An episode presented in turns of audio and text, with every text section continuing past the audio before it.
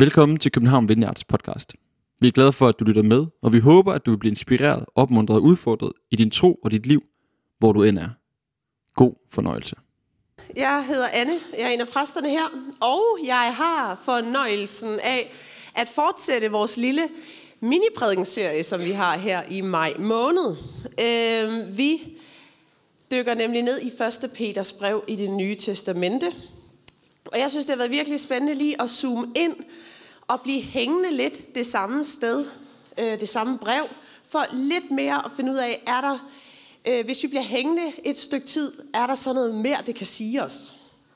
Øh, vi får lidt mere kontekst, måske noget lidt mere kronologi, øh, og så giver det os muligheden for at undersøge mere forfatteren til brevet, Peter, apostlen Peter, hvad er det egentlig, han vil sige til de her kristne, de her forfulgte kristne, øh, de her forskellige menigheder rundt omkring i Lille Asien, som er det, der er Tyrkiet i dag. Øh, hvis ikke du har hørt, det, hørt del 1 eller 2, for tvivl ej. Det skulle gerne give mening i aften alligevel, og så er det i hvert fald ikke af den årsag, det ikke giver mening. Øh, og du kan også høre dem på podcast øh, i løbet af ugen. Ja. Et lille kort recap. Hvad er det, vi har med at gøre? Det er Peters breve. Det er ikke skrevet til en specifik menighed, som havde et eller andet specifikt problem. Det ser vi tit hos Paulus i hans breve, at han lige fornyes om, at den her kirke, der er et eller andet helt galt her, jeg skriver om et brev. Sådan er det ikke med Peter. Han øh, skriver øh, til mange forskellige kirker. Det er ment som noget, der skal sendes ud til mange. Og øh, Peters breve sammen med Johannes, Judas og Jakobs breve, det er nogle breve, der bliver sendt rundt til rigtig mange menigheder. Det er kædebreve, det er øh, breve til opbyggelse og undervisning til øh, en masse kristne. De er fulde af forundring af Jesus, passion, realisme om livets hårdhed og uretfærdighed, fuld af håbet, der bærer os igennem, og så er de fulde omsorg for os, der egentlig også bare i gang med at finde ud af, hvordan er det, det med, at Jesus døde for min skyld, kommer til at betyde noget i mit liv. Det er meget det, breven handler om, og det er bare, jeg er fan. Så gå endelig i gang med at læse dem, hvis ikke du har været det endnu. I dag så skal vi tale om, hvordan Gud han kan forvandle vores blik, vores attitude, og hvordan at det har en stor betydning for vores efterfølgelse af Jesus, vores discipleskab. Øhm, og for at kunne finde ud af, hvad, for at kunne lade Gud forvandle vores blik, så har vi brug for også lige at finde ud af, hvordan er det egentlig, vi ser ting, hvad for nogle briller vi har på. Går vi rundt med nogle meget negative briller? Går vi rundt med nogle håbefulde briller? Lidt fejlfindende briller? Hvad er det egentlig, der sådan lige er vores filter i forhold til, hvordan vi øh, opfatter omverdenen? Det gør en kæmpe forskel, hvad for nogle briller man er på. Og det kommer vi tilbage til. For to uger siden, så øh, talte jeg i del 1 om Peters insisteren på, at så længe Jesus er i live, så er døden annulleret, og så er der håb for dig og mig. Det insisterer han på. Midt i uretfærdighed, så må vi kigge på Jesus. Vi må kigge på ham og se håbet. Vi forstår det ikke, men vi stoler på det. Og så sidste uge talte Emil over kapitel 2 om kirken, hvordan vi må elske den kirke, den menighed, vi er. Ikke idealet om den, sådan som vi bare ville ønske den var, men sådan som den i virkeligheden er. Fordi hvis vi elsker idealet mere end virkeligheden, så ødelægger vi virkeligheden. Var hans pointe. Meget spændende. Den kan I lytte til. Talen i dag, pointen, pointerne i dag kommer til at være til os som fællesskab. Hvad er det for et fællesskab, vi bygger her sammen? Hvad er det, vi er med til at skabe? Øhm, så er du ny her, så øh, håber jeg, at du har lyst til at... Så håber jeg, at du tænker, ej fedt, det vil jeg også være med til at bygge med på. Øhm, hvis du er gæst her, så øh, kan det være, at du bliver inspireret til at bygge det her, der hvor du er. Øh, men det er sådan til os som fællesskab. Og øh, vi starter 1. Peters brev 4, og så den skarpe siger, hov vent. 1, 2, skulle vi ikke have været i træerne? Jo, jo, det er på søndag. Vi har lavet lidt om for lige living on the edge in life. Øh, så derfor så tager vi kapitel 4 i dag. Ja, det er meget stort. Øh, og så tager Emil træerne på søndag. Vi læser her. Men alle tings ende er nær. Vær derfor besindige og overvågne, så I kan bede. Først og fremmest skal I holde fast ved den indbyrdes kærlighed, for kærlighed skjuler mange synder. Vær gæstfri mod hinanden uden sværhed. Som gode forvalter af Guds mangfoldige nåde skal enhver af jer tjene de andre med den nådegave, han har fået. Den, der taler, skal tale med ord for Gud. Den, der tjener, skal tjene med den kraft, Gud giver, for at Gud i alle ting må blive herliggjort ved Jesus Kristus. Æren og magten er hans i evighedernes evigheder. Amen. Det er bare en fed afslutning. Æren og magten er hans i evighedernes evigheder. Amen.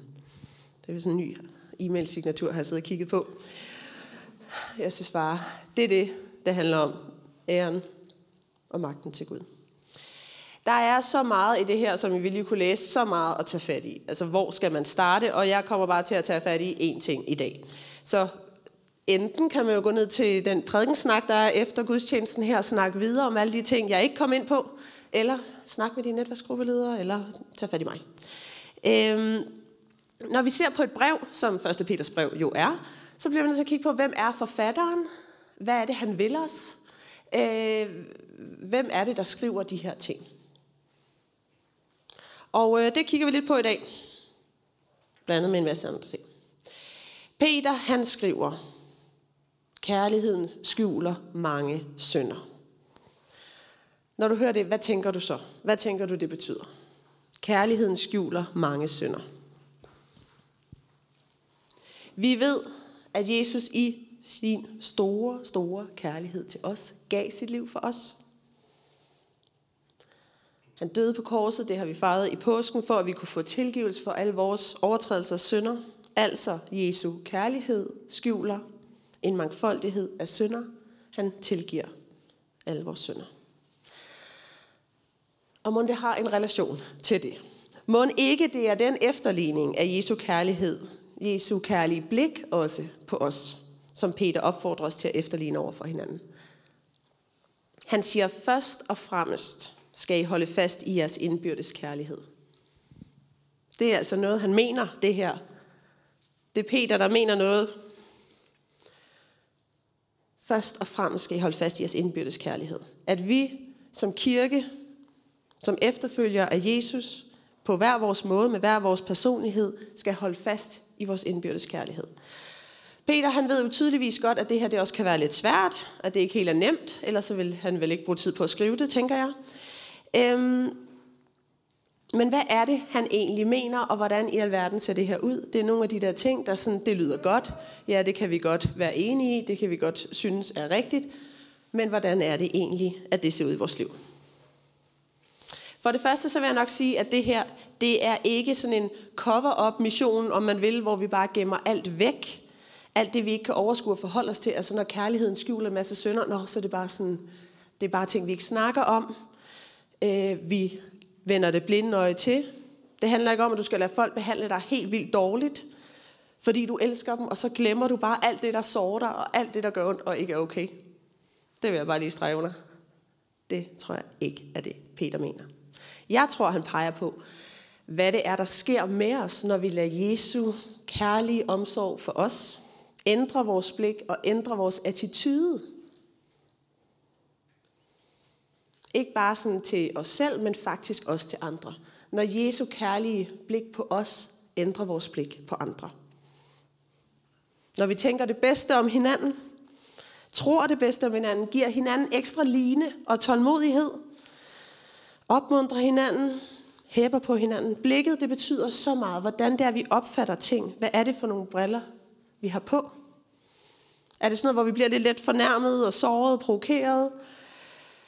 Eller tænker vi, nå, det var godt nok sjovt sagt. Sjovt. Du valgte den formulering. Jeg vælger at tænke, at du mente det rigtig pænt. Eller bliver vi bare sådan lidt småfornærmet og afføjer personen som et flinkt menneske og tænker, vi behøver ikke snakke sammen mere. Og det her blik, den her ændrede attitude over for hinanden, den her kærlige attitude over for hinanden, det er lettere sagt end gjort. Og jeg tror også, at Peter, det er han udmærket klar over, og derfor skubber han lidt til os om at tage en beslutning om det. Det er ikke en følelse, så meget som det også bare er en beslutning. At beslutte os for at holde den indbyrdes kærlighed her som kirke, København Vineyard. På trods af alle vores usikkerheder, på trods af dine usikkerheder, mine usikkerheder, på trods af små egoistiske tendenser, og mangfoldigheden af alle de triggers, vi går rundt med i vores indre, som nogen bare vælger at trykke på alle sammen på samme tid. Der er så meget, der udfordrer fællesskabet og udfordrer den indbyttes kærlighed. Så vi må tage en beslutning. Du og jeg må tage en beslutning. Vi må tage en beslutning som København Vineyard. Vi vil være et kærligt fællesskab. Vi vil se, vi vil forsøge, lad os bare sige det. Vi vil forsøge at se på hinanden med kærlighed. Der skjuler synder og ikke leder efter fejlene. Og jeg kom til at tænke på et af mit yndlingscitater fra Søren Kierkegaard. Jeg har haft det før, men brugt det før, men altså, det er bare så godt. Øh, det er fra Kærlighedens Gerninger. Jeg tror, det er her. Yes. Hvis mistroiskhed kan se noget mindre, end det er, så kan kærlighed se noget smukkere, end det er. Det er godt. Hvis mistroiskhed... Ej, vi tager den lige igen, Jan. Hvis mistroiskhed kan se noget mindre, end der, er, så kan kærligheden se noget smukkere, end der. Og jeg tror, det er det her, Peter han kalder os til. Det er det, som kærligheden kan over for hinanden. Kærligheden den kommer i sandhed til sin ret, når den er kærlig nok til at se den anden skønnere, end den er. Og jeg tror bare igen og igen, vi må vælge kærligheden, vi må vælge nådens vej over for hinanden. Og det er ikke sådan en engangsbeslutning, hvor vi siger, at nu gør vi det her, men det er højre, nej, højre fod, venstre fod, højre fod, venstre fod. Det er igen og igen, vi må beslutte os for, det fællesskab, vi har lyst til at have her som kirke, det fællesskab, jeg har lyst til at have med mine venner, på min arbejdsplads, med min familie, det er et kærligt fællesskab, hvor jeg ser på dem omkring mig med et kærligt blik. En kærlighed, der skjuler mange synder. Og den her attitude af noget over for hinanden, den mener Peter virkelig vi har brug for. Han nævner det igen og igen, og Emil snakkede også om det i søndags. Og jeg tror lidt, når man kigger på Peters liv, hvem er det egentlig, der skriver det her? Så har han virkelig selv også oplevet, hvordan hans eget blik, hans egen attitude, hans egen øh, perspektiv i livet er blevet ændret igen og igen. Hvordan han virkelig havde brug for et kærligt og udfordrende fællesskab til at vokse som menneske og efterfølger Jesus. Vi læser om, hvordan at øh, Peter han er op og sammen med nogle af de andre disciple på øh, det, vi kalder forklarelsens bjerg, hvor han ser Jesus, Elias og Moses stå og tale sammen i en sky. Og der sker en masse ting derop. Øhm, men den oplevelse må simpelthen have forandret Peter. Han står der og ser de store kanoner inden for hans historie og øh, tro stå og snakke og der er en stemme, der siger, at det her det er min søn. Gud han taler gennem skyen. Der tror jeg, der er et eller andet hos Peter, der er forandret. Det kan godt være, at han hele tiden har haft en mistanke om, måske er det her øh, Messias. Jeg er ikke helt sikker, men vi følger lidt efter ham. Der så går han derfra med et nyt blik. Et nyt verdenssyn. Jeg tror også, hans blik på fællesskabet og hans blik på nåden i fællesskabet må have ændret sig helt vildt meget fra, at de render rundt der og følger efter Jesus, disciplerne, som altså er nogen, der sådan har enten været fiskere eller et eller andet andet. Og der lever de rundt og kæmper om, hvem, øh, hvad er det for noget, hvem der skal sidde ved højre side af Jesus på tronen en dag, og hvem der skal sidde på venstre side, og hvem der egentlig er størst i Guds rig. Det løber de sådan lidt rundt og snakker om. Øh, og så skifter man til at Peter midt i den sværeste nat, på øh, Jesus sværeste nat, fornægter Jesus. Han fuldstændig falder igennem. Og så spoler vi lidt længere frem til, at øh, de andre disciple siger god for, at ja, Peter, du må gerne lede os, du må gerne lede den her kirke. Jesus siger, på dig øh, ved jeg bygge min kirke, Peter. Jeg tror virkelig, at Peter han har, han har måttet ændre sit perspektiv så mange gange i forhold til, hvad er det for et fællesskab, jeg har brug for at være en del af. Jeg har brug for nogen, der udfordrer mig og skubber til mig. Jeg har brug for nogen, der griber mig, når jeg fuldstændig falder igennem for fuld offentlighed. Og jeg har brug for nogen, der tror på mig og ser, hvad det er, Gud han har lagt i mig, på trods af alle mine fejl og mangler. Og det tror jeg, Peter han har oplevet. Han har været så meget igennem, og han er sådan et forbillede for mig i mit discipleskab og min efterfølgelse af Jesus. Altså, de har kejlet rundt i den tidlige kirke. Det har gået, hvad de ikke har haft gang i, og det kan man læse om i Apostlenes og alle mulige andre steder. Og de har vidst, at det kommer kirken til at gøre i mange år frem. Og derfor tror jeg, at Peter han skriver til kirkerne, hold fast i kærligheden. Den skjuler alle de synder, og I får brug for det. I får brug for det. Ikke bare din sidemand, men også dig selv. Håbet det er klart hos Peter.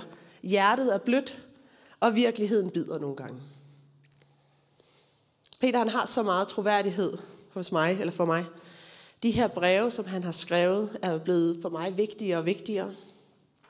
Her har vi visdom og undervisning fra en mand, der har gået og sovet og spist sammen med Jesus.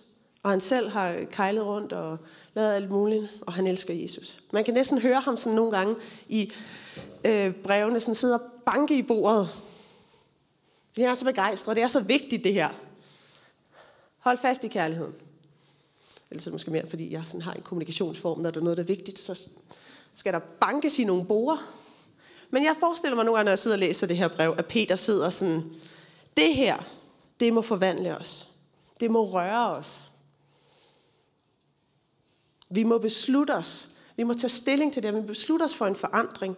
Fordi forandring, hvis vi forandrer vores blik, hvis vi forandrer vores attitude over for andre, det tager tid. Det tager beslutsomhed.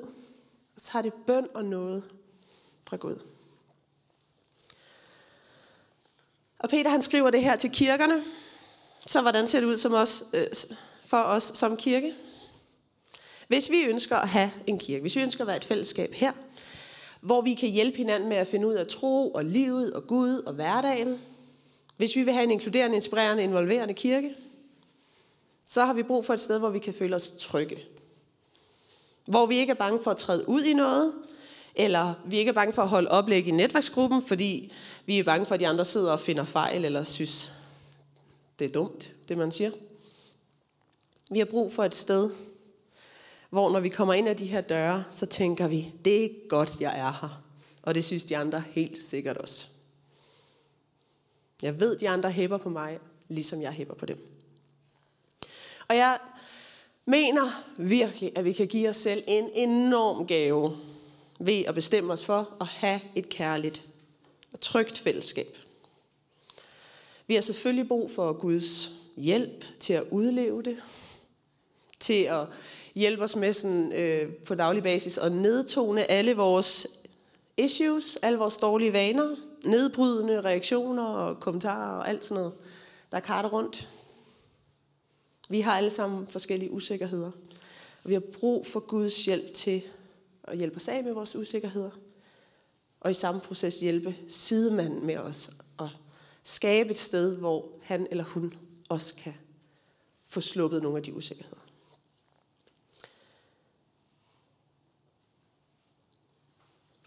Og årsagen til, at vi skal bevare den her, det her kærlige fællesskab, årsagen til, at vi gider at blive ved med at investere i hinanden og i fællesskabet, og hvad er det, vi øh, skaber den her kultur, så det, det er jo ikke bare, fordi Peter siger det, men det handler om, at vi gerne vil vokse i vores tro, vores efterfølgelse og discipleskab af Jesus. Vi har brug for at blive udfordret. Vi har brug for, at nogen stiller spørgsmål til, hvad vi, øh, så vi kan forholde os til nogle forskellige ting i vores liv.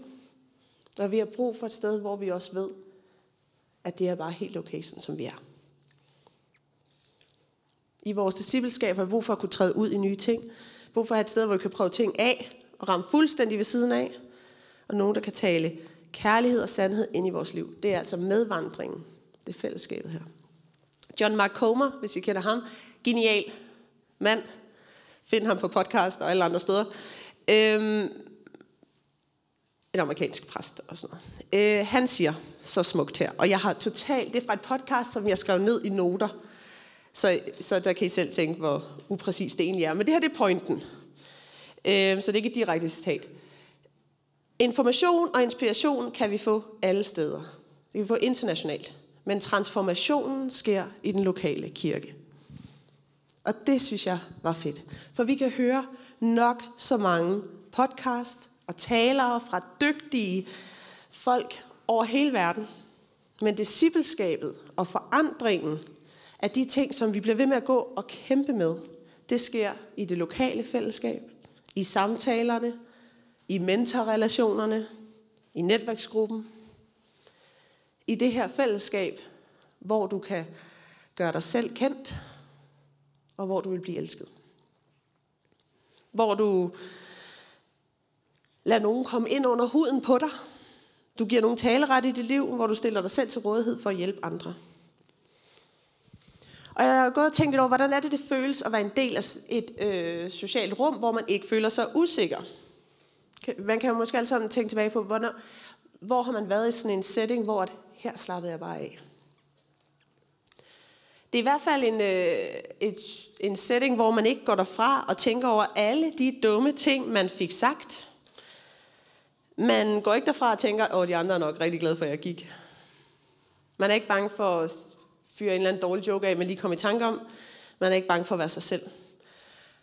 Sådan et fællesskab, hvor man slapper af, det står jo i skærende kontrast til de andre sociale settings, som jeg tror, vi alle sammen har været i.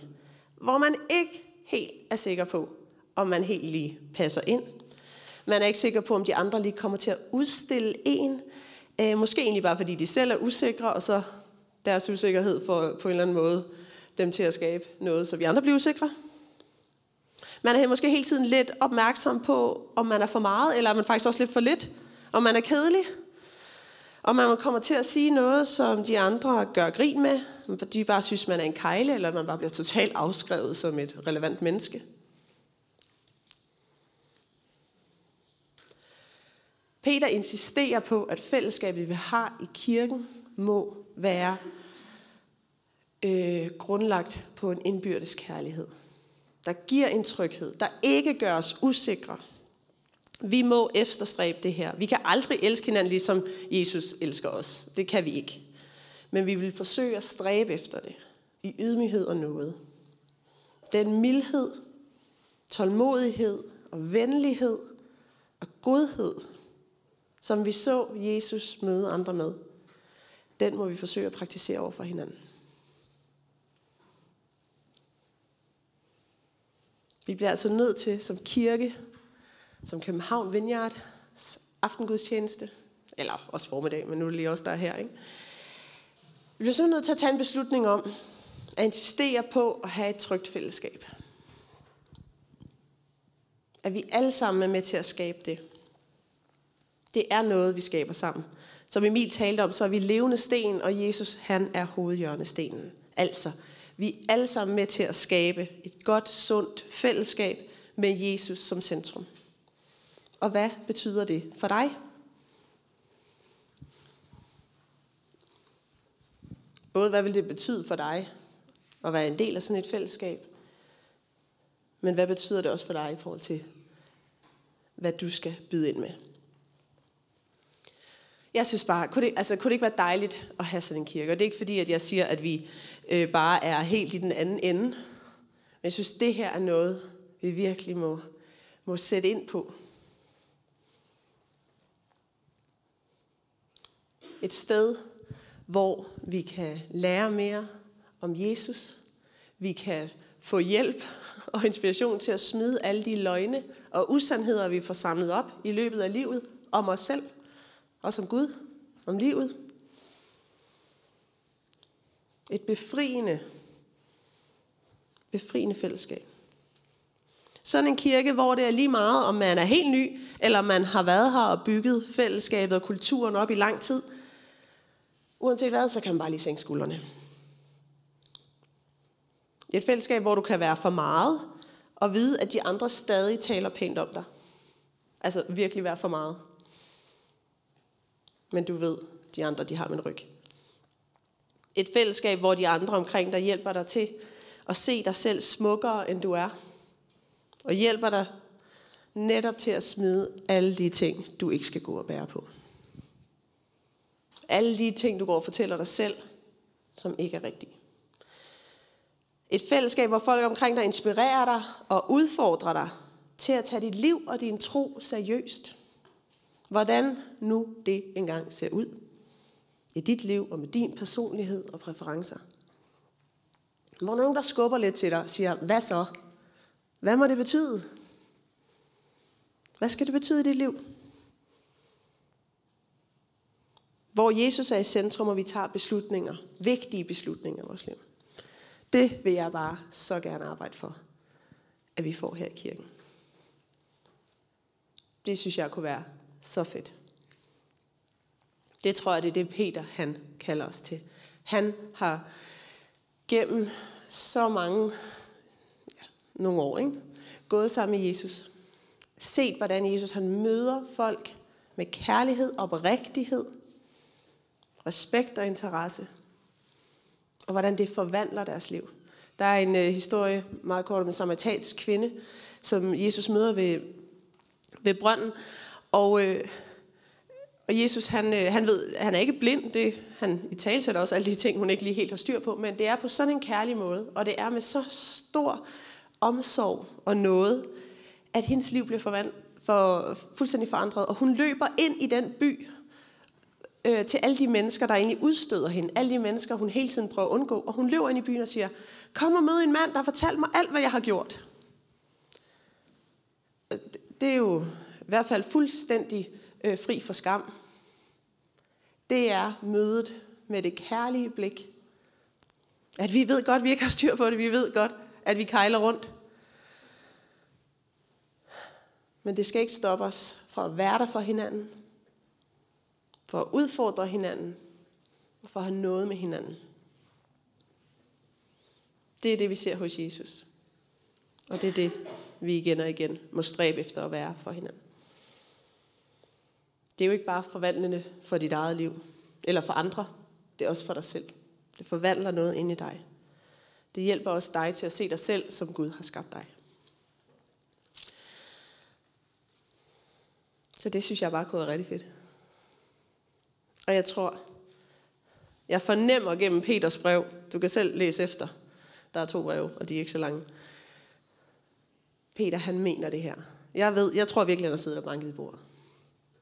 Sådan, åh, hvis bare de forstår lidt af det her. Hvilken kæmpe gave vi kan give til hinanden. Leder vi efter det gode i hinanden? Leder vi efter det gode i hinanden? Og ikke bare lige finder fejl eller tænker, sådan der havde jeg ikke lige gjort. Lad os hjælpe hinanden. Tak fordi du lyttede med. Vi håber, du går herfra med fred i hjertet og mod på mere. Du kan finde mere fra København Vineyard på Facebook, Instagram og vores hjemmeside. Du skal vide, at du altid er velkommen i vores kirke på Nyvej 7. God dag.